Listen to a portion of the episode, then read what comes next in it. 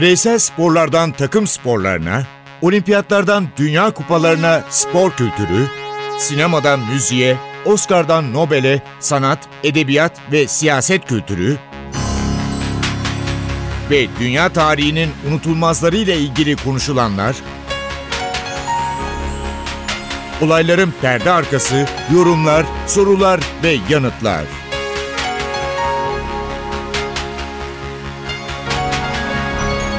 Ercan Taner ve Mert Aydın'la Ateş Arabaları başlıyor.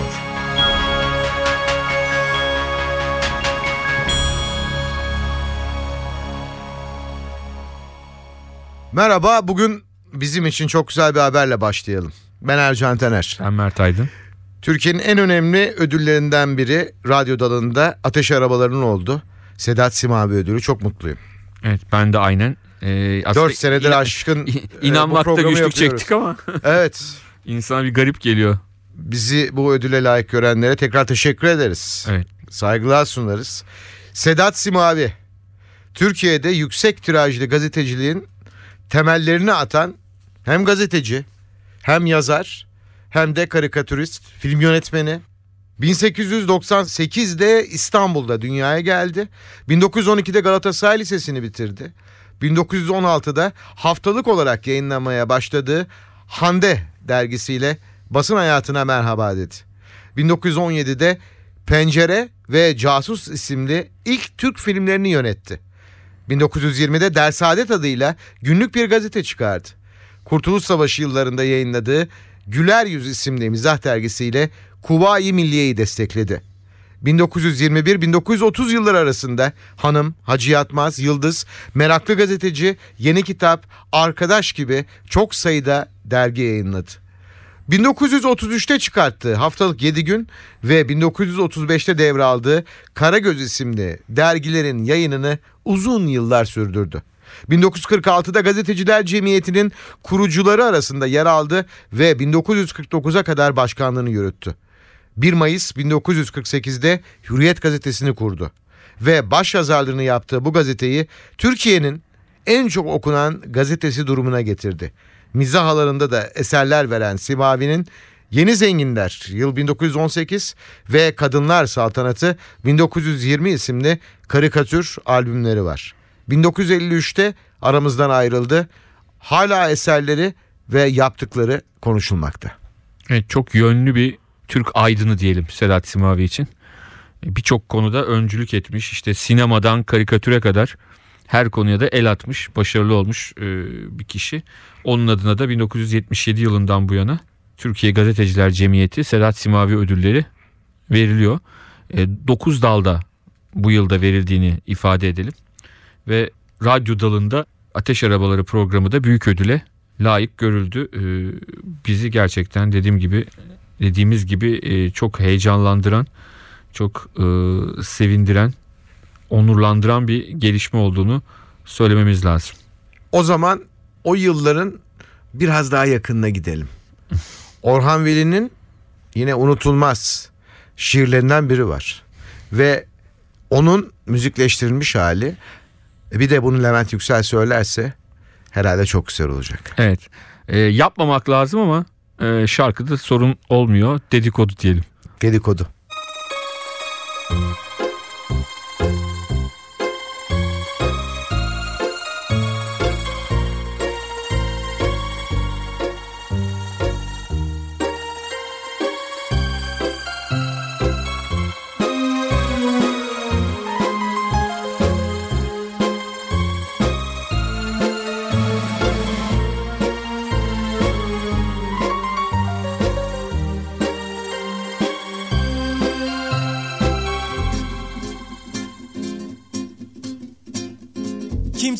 söylemiş beni Süheyla'ya vurulmuşum diye.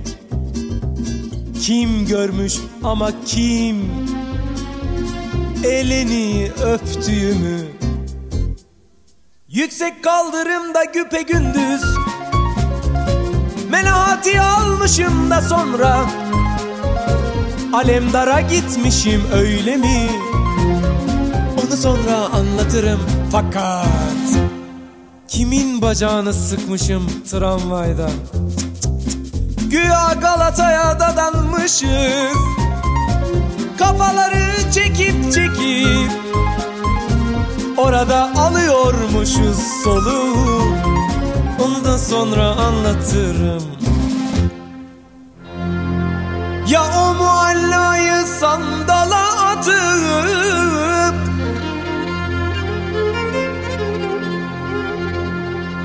Ruhumda icranını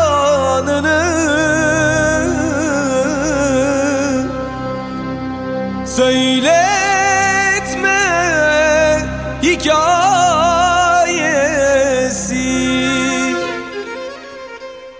Geç bunları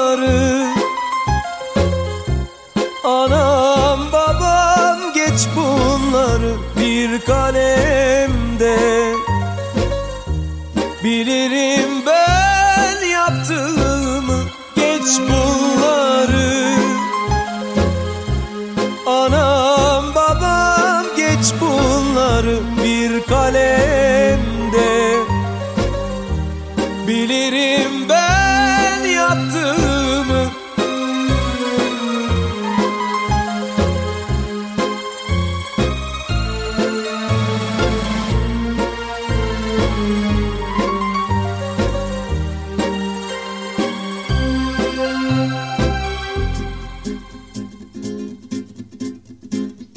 Kim söylemiş beni?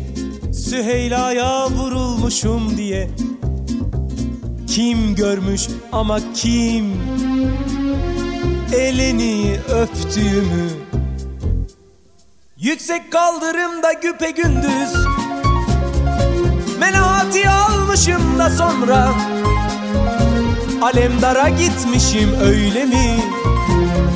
Onu sonra anlatırım fakat Kimin bacağını sıkmışım tramvayda? Hmm? Güya Galata'ya dadanmışız. Kafaları çekip çekip Orada alıyormuşuz soluğu Onu da sonra anlatırım. Ya o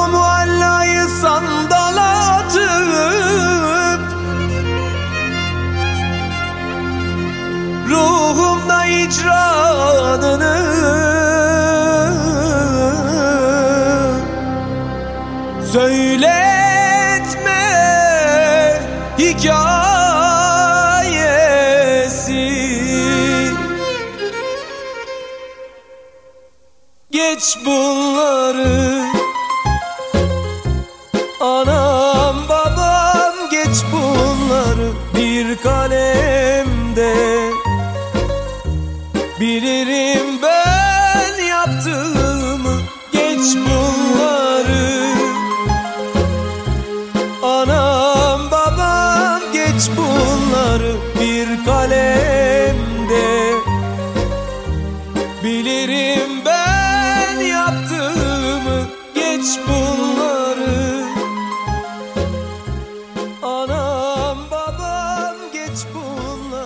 Levent Yüksel söyledi. Orhan Veli'yi de yad etmiş olduk. Aklıma ne geldi biliyor musun geçenlerde? İşte Messi Dünya Kupası kazanamadı ama rekorları alt üst etti. Muhabbeti var ya. Dünya Kupası kazanamayan Zico var. Cruyff var. Şöyle düşünüyorum. Hatta Dünya Kupası'nda oynayamayan George Best var. George Best Hiç var. oynamadı. Yani hani hiç olmazsa Zico, Platini bunların Michel hepsi Platini Dünya Kupası kazanamadı. oynadılar ancak kazanamadılar evet. Peki Messi'nin Dünya Kupası'nı belki kazanamayacak. Onun sahaların süpermeni olamayacağı anlamına geliyor mu sence? Kimine göre geliyor, kimine göre gelmiyor. Aynı şekilde Cristiano Ronaldo'nun da şu anda yakın gelecekte Dünya Kupası'nı kazanma ihtimali çok yüksek görünmüyor. Aynı kanaatteyim ben. de. Bunu bunu ifade etmek lazım. Belki Jose Mourinho Portekiz milli takımının teknik direktörü olursa Dünya Kupası kazanabilirler. Cruyff niye kazanamadı? Şunu söyleyelim. 1974 Almanya ev sahibi. Almanya Hollanda finali var ve Hollanda inanılmaz bir futbol oynuyor. Nedir diyorlar bu futbolun adı? Buna rağmen Almanya ev sahibi olduğu için 1974 finalini kaybetti. 1978'de bir şanssızlığı daha var. Cruyff'suz Hollanda'nın. Öyle diyebiliriz. Yine ev sahibi. Yine ev sahibiyle oynuyor Arjantin'de ve top direkten dönüyor olmuyor. E Fransa penaltılarla Dünya Kupası'na belki uzanacak en iyi kadroya sahip. Meksika'da Evet, Meksika, veda ediyor. Meksika'da çok ciddi anlamda favorilerden bir tanesiydi. 82'de de Fransa çok başarılı oldu ve yine yarı finalde penaltılarla Batı Almanya'ya kaybetti ama 86'nın başlangıcından itibaren en büyük favorilerden biriydi. Oynadığı oyunla da kadrosuyla da ama 86 Dünya Kupası'nda yarı finalde yine Batı Almanya'ya 2-0 yenilerek finali kaçırmıştı. 86'nın tabii unutulmaz Fransa-Brezilya çeyrek finali. Platini'nin, Zico'nun ve Sokrates'in aynı maç içinde penaltı kaçırdıkları. Daha doğrusu Zico'nun maç içinde Platini ve Sokrates'in de penaltı atışlarında. Evet. Yani dediğimiz gibi Dünya Kupası kazanmak çok kolay bir şey değil. En büyük takımlarda oynayan oyuncular da yani 70 ile 94 arasında Brezilya Dünya Kupası'nı kazanamadı. Zico o döneme denk geldi. Yapacak bir şey yok. Hayat her zaman istediğiniz gibi gitmiyor. Ee, aynı şekilde baktığımızda e, Arjantin 1978 1986'da kazandı. Messi daha doğmamıştı. Şu andaki e, konjonktürde artık bence eskisi gibi tek başına bir oyuncunun bir takımı şampiyonluğa getirmesi kolay değil. Çevrenizin de iyi olması lazım. Mesela işte 86 Dünya Kupası'na bakıyoruz. Hakikaten Maradona çok defansif bir takımda gerçekten olağanüstü yeteneklerini kullanarak şampiyonluğu getirmişti. Hı hı. Ama günümüzde bunu tek başına yapabilmek çok kolay bir iş değil. Messi sanki bu Dünya Kupası'nda yapabilecekti bunu ama olmadı. Ama işte belli bir yerde çok kısır kaldılar. Yani 86'daki Arjantin dediğim gibi işte Valdano, Buruşaga ve Maradona'yı çıkardığında geriye kaleci dahil 8 tane defansif oyuncunun kaldığı bir takımla e, o kadar da kötü maçlar çıkarmadılar. Yani final maçı 3-2 bitti. Şimdi böyle baktığımızda e, 2014 Dünya Kupası'ndaki Arjantin çok fazla Messi üzerinden oynayan bir takımdı. Ama diğer taraftan elinde başta Di Maria olmak üzere önemli oyuncular vardı ama aynı nasıl diyelim verimliliği çok gösteremediler. Biraz dediğim gibi dönemler çok değişik. Dönemler birbirinden farklı olan oyuncuları ve takımları kıyaslamak o anlamda Çok, çok, farklı. zor oluyor. Yani bu şey gibi 14. yüzyıldaki bir İngiltere kralıyla e, kraliçe Elizabeth'i karşılaştıramayız. Yani o dönemin şartları çok farklı. Kralın görevi çok farklı. Şimdi kraliçenin ya da daha sonra ayrıca kralın daha sonra gelecek durumu daha farklı. Yani sembolik bir durum var. O yüzden de galiba biraz e, zamanlar, mekanlar, ortamlar farklı olduğunda bu kıyaslamaları yap- yapmak biraz daha zor oluyor ve haksızlık oluyor. İki tarafa da haksızlık oluyor. Bu yüzden de galiba yani kim bizim için daha keyifli maç oynamışsa, kim bize keyif verdiyse herkesin kendine göre farklı bir düşüncesi olabilir. Kimi Dünya Kupası kazanmayı ön, e, ön plana çıkarabilir artık. Kimi Şampiyonlar Ligi'ni çünkü e, Maradona'nın Pele'nin oynadığı dönemlerde Şampiyon Kulüpler Kupası şimdiki gibi bir şekilde hani Avrupa'yı, dünyayı domine eden bir durumda değildi. E Maradona'nın da hiçbir Şampiyon Kulüpler Kupası yok kazandığı, Evet. kazanabildiği. Evet. Ya bir tane UEFA kupası var Napoli ile kazandı. Onun dışında e, öyle bir başarısı yok. Ama belki o dönemde bir Şampiyonlar Ligi olsa o zaman Maradona da bu kupayı kazanabilirdi. Evet. Uzun vadede işte lig maçları. Çünkü bir hatırlıyorum e, 87-88 sezonuydu yanlış hatırlamıyorsam. E, yani Maradona ile ilk şampiyonluğun ardından şeyin e, Napoli'nin Şampiyon Kulüpler Kupası'nda e, ilk turda Real Madrid'le eşleştiler. İlk ya da ikinci turda. Yani yapacak da bir şey yok. Ama günümüzde o Şampiyonlar Ligi formatında belki Maradona da şampiyon olabilirdi. Bunlar onun için diyorum yılına, zamanına göre her şeyi değerlendirmek Yıl lazım. ve zaman deyince John Lennon aramızdan tam 36 yıl önce ayrıldı bu hafta. Hayranları hatırlayacaklar mutlaka. Beatles'ın unutulmaz üyesi. John Lennon öldürüldü. Ben biraz ders çalıştım bu konuyla ilgili olarak. Ee, John Lennon onun hayranı olduğunu iddia eden ve akli dengesinde olmadığı öne sürülen Mark David Chapman tarafından 8 Aralık 1980'de New York'ta öldürüldü. Evet evinin önünde. Polisin raporu var. Ee, ona da baktım. Ee, siz kimsiniz diye soruyor polis. Hemen geliyor ekipler yanına. Ee, sözü önemli. Ben ben diyor Beatles'tan John Lennon. Son sözleri de o oluyor zaten. Yoğun kan kaybı nedeniyle hayata veda ediyor. Bu konuyu bir değerlendireceğiz. Ama John Lennon deyince bugünü John Lennon'a ve Beatles'a ayırdık. Ve en unutulmaz şarkılarından biriyle başlayalım bence.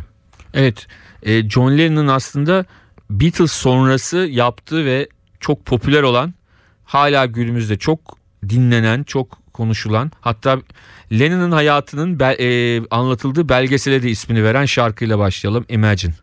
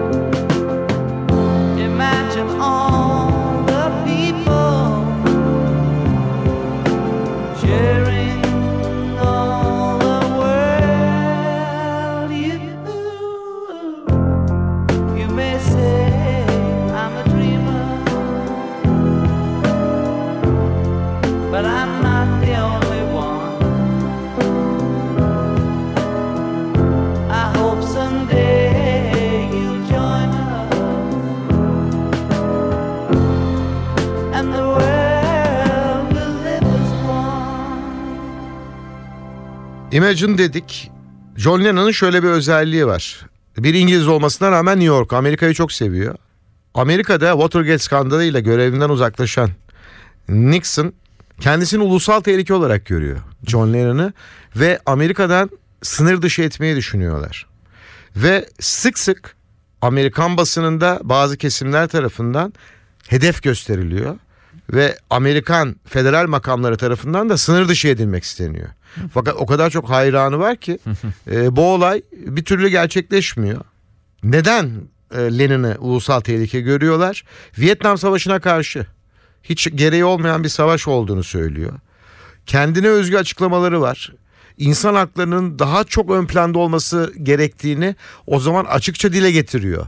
Bütün dünyada ve Amerika Birleşik Devletleri'nde ama Vietnam Savaşı'nı sorgulatması bu olayı, bu cinayeti Mark David Chapman'ın akli yerinde olmamasına rağmen bir tetikçi olduğuna dair daha sonra ortaya çıkarılan özellikle İngilizlerde yine poli- İngiliz polisi tarafından yapılan araştırmalar var. Akli dengesi yerinde olmayan bir tetikçi John Lennon'ı susturuyor. Böyle bir iddia da var. Yani bu iddialar çok normal. Bunların konuşulması çünkü hakikaten e, insan hakları barış konusunda çok aktif bir isim. Özellikle de 60'ların sonunda ikinci eşi Yoko Ono'yla tanıştıktan sonra e, ikisinin evliliğinin Beatles'ı yıktığı da iddia edilir birlikteliğinin. Hakikaten bu konuda çok ciddi aktif bir e, rol oynadığını barış konusunda, insan hakları konusunda rahatlıkla söyleyebiliriz. Bugün Manhattan'da Central Park'ın batısındaki o apartmanın e, hemen karşısında Central Park'ın oradaki kapısında gerçek anlamda bir John Lennon tapınağı var diyelim. E, Sen gördün orayı. Gördüm, e, ziyaret ettim. Çok insan ziyaret ediyor. Herkesin en çok gittiği yerlerden bir tanesi. Şarkıların adları yazıyor. İşte yerlerde e, onun şarkılarının adları, onunla ilgili şeyler var ve insanlar çiçek bırakıyor, çeşitli şeyler yapıyorlar anmak için. Ve tam da apartmanın o vurulduğu yerin karşısı olduğunu söyleyebiliriz. Çok mütevazı bir ailenin çocuğu onu Evet. söyleyelim. John Lennon 1940'ta Liverpool'da dünyaya geliyor İngiltere'de. Anne ve babası birer işçi. Ve 1955'te ilk gitarını ona teyzesi hediye ediyor. Tam o sırada kimle tanışıyor? Paul McCartney. Evet zaten e, Ee, Ve Beatles oluşmaya başlıyor. Beatles'ın beyni olarak kabul edilen ikili. Lennon ve McCartney. Yani tabii ki George Harrison da önemli bir isim. Ringo Starr daha sonra katılan bir isim zaten. Ama e, genelde Beatles şarkılarının büyük bölümünün %90'ının herhalde sayılarına bakmak lazım ama söz ve müzikleri Lennon McCartney ikilisi tarafından üretiliyor. Çok ilginç şeyler var. Yani belki bu programda daha önce de konuşmuş olabiliriz. John Lennon demin söyledim New York'taki evi Central Park'ın kıyısında yanında. Hı hı. Çok ilginç. Liverpool'da doğduğu büyüdüğü evde çok büyük bir parkın yanında. Hatta New York'taki evini de özellikle İngiliz Yeşilliklerin içine, bir parkın yanında. Liverpool'daki e, Evet. doğduğu büyüdüğü eve yakın olduğu için böyle yaptığı söylenir. Hatta Liverpool'da evinin karşısındaki o yeşilliğin Strawberry Fields adını taşıdığını da belirtelim. Oradan esinlenerek de o ünlü Beatles şarkısı ortaya çıkıyor. İstersen hazır bahsetmişken biz bir Strawberry Fields'ı dinleyelim. Dinleyelim.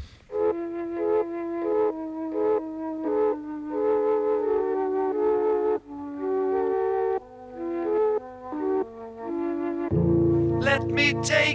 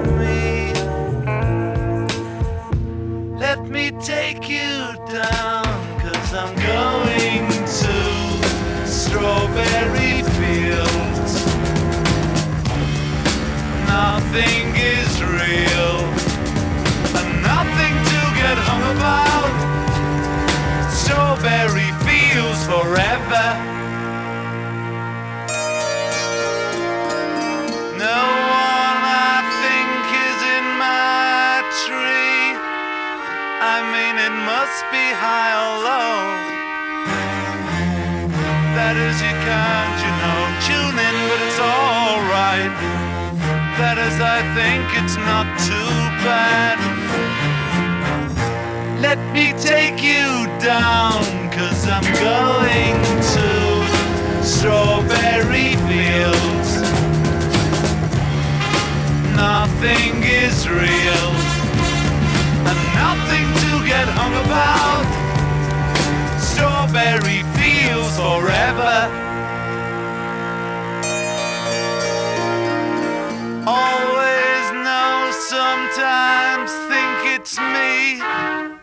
But you know, I know when it's a dream.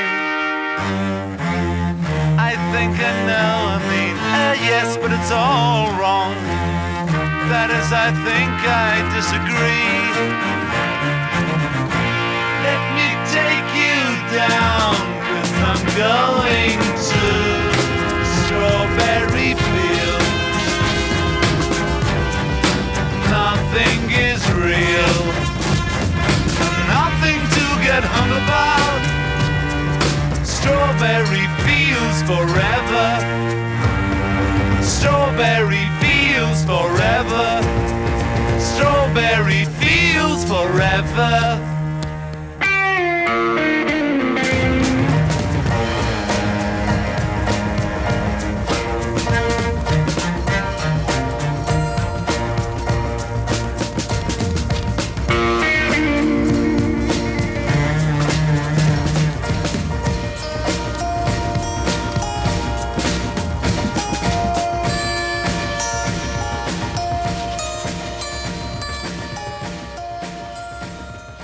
1966'da Filipinlere gidiyorlar. Ama aykırı bir grup. Hem giyimleri, hem açıklamaları, hem konuşmaları ve devlet başkanı grubu davet ediyor. ve Beatles'ta çıkıyor diyor ki John Lennon'la beraber Paul McCartney McCartney olunca yani bir ismin başında Mac geldiği zaman inatçı oluyor değil mi? Biz diyorlar e, sizin bu davetinizi kabul etmiyoruz. E, Biz e, teşekkür ediyoruz. Gelmek istemiyoruz sizin bu davetinize diyorlar. Yıl 1966 ve ülkeden ayrılırken yanlarına koruma verilmiyor. Havaalanında Beatles'a saldırıyorlar. Onlar da karşılık veriyorlar. E, Böyle aykırı bir grup o yıllara baktığımız zaman 1966'lı yıllara baktığımızda hep dün diyoruz. Dünü konuşuyoruz ya. E dünü konuştuktan sonra da bir Yesterday dinleyelim bence. Dinleyelim.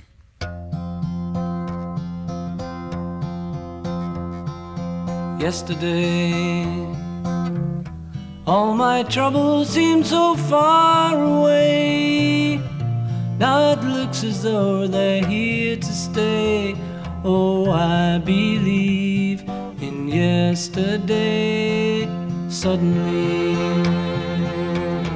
I'm not half the man I used to be. There's a shadow hanging over me. Oh, yesterday came suddenly. Why she had to go, I don't know. She wouldn't say. I said something wrong. Now I long for yesterday. Yesterday. Love was such an easy game to play. Place to hide away. Oh, I believe in yesterday. Why she had to go, I don't know. She wouldn't say. I said something wrong. Now I long for yesterday. Yesterday, love was such an easy game to play. Now I need a place to hide away. Oh, I believe in yesterday.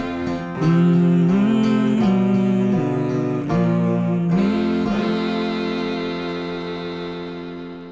Az önce sen söyledin 1969'da Yoko Ono ile evleniyor ve aynı yıl The Beatles'tan ayrılıyor. Artık Beatles'ta değilim diyor. Evet tabii ortalık karışıyor. Ee, karıştıktan sonra geri döndürülüyor ve bir albüm daha yapıyorlar birlikte. Ama ondan sonrasında grup dağılıyor Ee, ve yıllar boyunca Double Fantasy olabilir albüm adı. yıllar boyunca 70'li yıllar hatta öyle söyleyelim dünyada Beatles acaba yeniden birleşir mi diye geçiyor. 1975'te e, Yoko Ono'dan olan oğlu Sean doğduktan sonra 5 yıl müziği bırakıyor.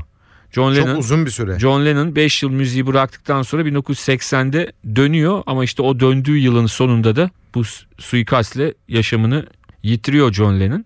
Hakikaten dediğimiz gibi sadece müzik için değil ama düşünce dünyasına da çok katkıda bulunan e, entelektüel olarak olayın içinde hep yer alan bir isim. Grubun en politik elemanı öyle söyleyelim. Politik açıdan en aktif elemanı e, Beatles grubunun. E, büyük oğlu yani ilk eşinden olan oğlu Julian için de Hey Jude şarkısının bestelendiğini belirtelim. E, o şarkıdaki Jude, Julian ilk eşi Cynthia'dan olan oğlu bugün 50 yaşında. E, ikinci oğlu ise 1975'te yani grupta, grubun elemanı değilken dünyaya geldi. Hey Jude. Hey Jude, don't make it. Take a sad song and make it better. Remember to let her into your heart. Then you can start to make it better. Hey Jude. Don't be afraid. You were made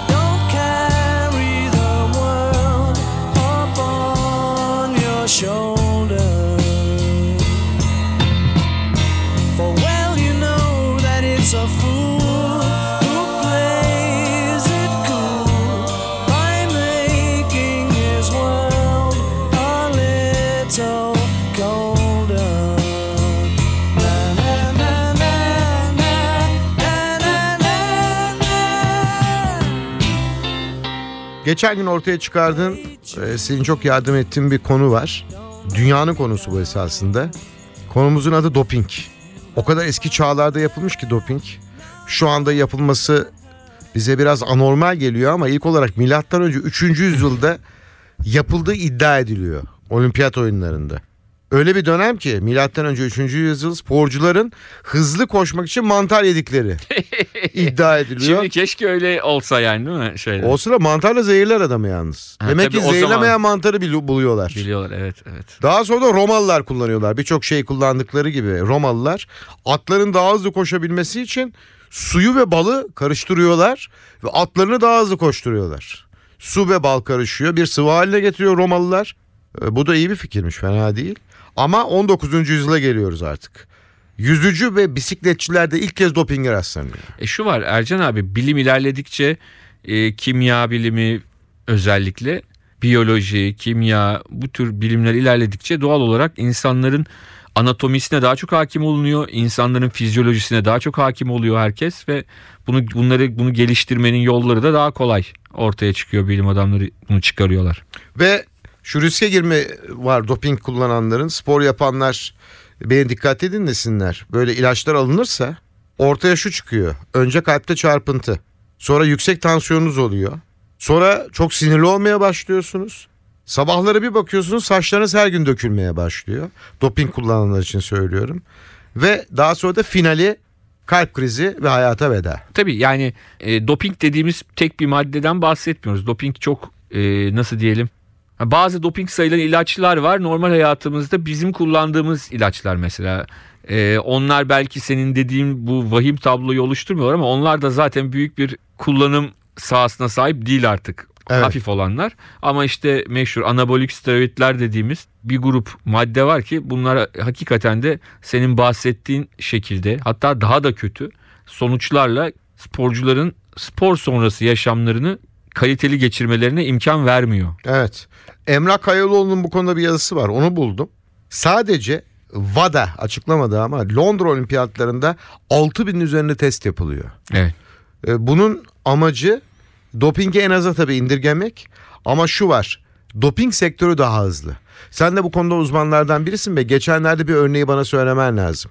Rusya'da şöyle bir iddia ortaya atılıyor. Bir Alman belgeselinde Evet. Rus sporcuların %99'unda hala saptanamayan maddelerden yapılan dopingler var. Saptanamayan değil aslında saptanıyor da saptanmasının ardından rüşvetlerle sümen altı ediliyor. Öyle söyleyelim. Yani verilen rüşvetler 500 bin eurolar, 600 Tabii bin ki, eurolar tabii ki. sadece bir doktora. Aynen öyle. Şimdi tabii bu işin adalet yanı yani eğer sizin rakipleriniz yapıp yakalanmalarına rağmen ceza almıyorsa bu tabii ki bir sıkıntıdır. Ama burada bilinemeyen ve şu ana kadar ortaya çıkarılamayan ilaçlara karşı şöyle bir hamle yaptı. Dünya Antidoping Ajansı WADA biyolojik pasaport diye bir şey çıkardılar. Bunu şu anda her spora daha uygulayamıyorlar ama yavaş yavaş hepsine e, ulaşacak. Buradaki amaç şu. Doping maddeleri aldığınız zaman kanınızda belli değerler değişiyor. Evet. Ve Ve bunun için de az önce söylediğin gibi biyolojik pasaport ortaya evet çıkartılıyor. yani bu değerlerin değişmesi, bu değerlerin değişmesi için çeşitli şeylerin olması lazım. Zaten bu testler biyolojik pasaport için test yapanlar soruyorlar. Kan nakli yaptınız, yaptırdınız mı? Ön, geçtiğimiz bilmem ne kadar sürede. Eğer siz hayır demişseniz ve bunları yaptır sağlık nedeniyle yaptırmamışsanız bunun dışında artık biyolojik pasaportunuzda o inişlerin çıkışların olması için sizin doping yapmış olmanız gerekiyor ve öyle yakalıyorlar. Yani dopingi bulamasalar bile bu şekilde doping yapanları tespit etme gibi bir hedefleri var şu anda. Yoksa senin de söylediğin gibi her zaman doğal olarak her iki tarafta da bilim adamları var. E, doping için uğraşan bilim adamları daha öndeler. Diğerleri yakalamaya çalışıyorlar. Çıktıkça ortaya yakalamaya çalışıyorlar. İşte bazı maddeler var 2 ay 3 ay sonra bulunamıyor. E, onların süresini azaltmaya çalışıyor e, polis olan diyelim e, bilim adamları. Ama diğerleri de daha farklı maddeler çıkarmaya çalışıyorlar. Emrah araştırmasında şunu da söylemiş. E, doping silici sektörünün Evet. e, çok ilginç. önemli olduğunu ve doping sektörü ilaçları, yöntemleri ve saklama becerisini kendisini kovalayanlardan daha hızlı geliştiriyor diyor. Şöyle bir şey var. İzle, e, dinleyicilerimiz hatırlarlar. Bundan birkaç yıl önce Ermal Kuço da doping var dendi. Ya nasıl yani falan. E, bir tane e, Ermal saçın dökülmemesi için bir ilaç kullanıyor. Evet. Şimdi herkes diyor ki ya bunun dopingle ne ilgisi var? Hakikaten de aslında o ilaç hiçbir şekilde sporcunun performansını ilerleten bir ilaç değil. O ilacın yasak olma nedeni silici olması. Yani sizin aldığınız başka bir doping maddesini o ilacı kullanarak silebiliyorsunuz. Yoksa o ilaç size doping etkisi yaratmıyor. Yanlış bilgilendirmeden dolayı Ermal bir ceza almış oldu aslında saçı için kullandığı bir Masum ilaçtan. bir cezaydı. Evet ama işte bunlara dikkat etmek gerekiyor ve bir madde duyduğumuzda aa nasıl olur bu doping olur mu dememek lazım. Bunun sonu e, bunun nedeni başka bir şey olabilir. Doping değil doping silici olabilir. Silici dediğimiz şey dediğim gibi sizin e- size ne enerji verir ne bir şey verir konuyla alakasız bir ilaçtır o. Tabii. Ama diğer maddenin silinmesini sağlar. Doğru. E, bu açıdan siliciler de aslında bu sektörde çok çok önemli Ben bir kalem. uzun bir liste okumuştum. Ee, onların içinde aşırı kullanılan kahve bile var. İsterse VADA sen bugün çok kahve içmişsin. Müsabakaya öyle çıkmışsın.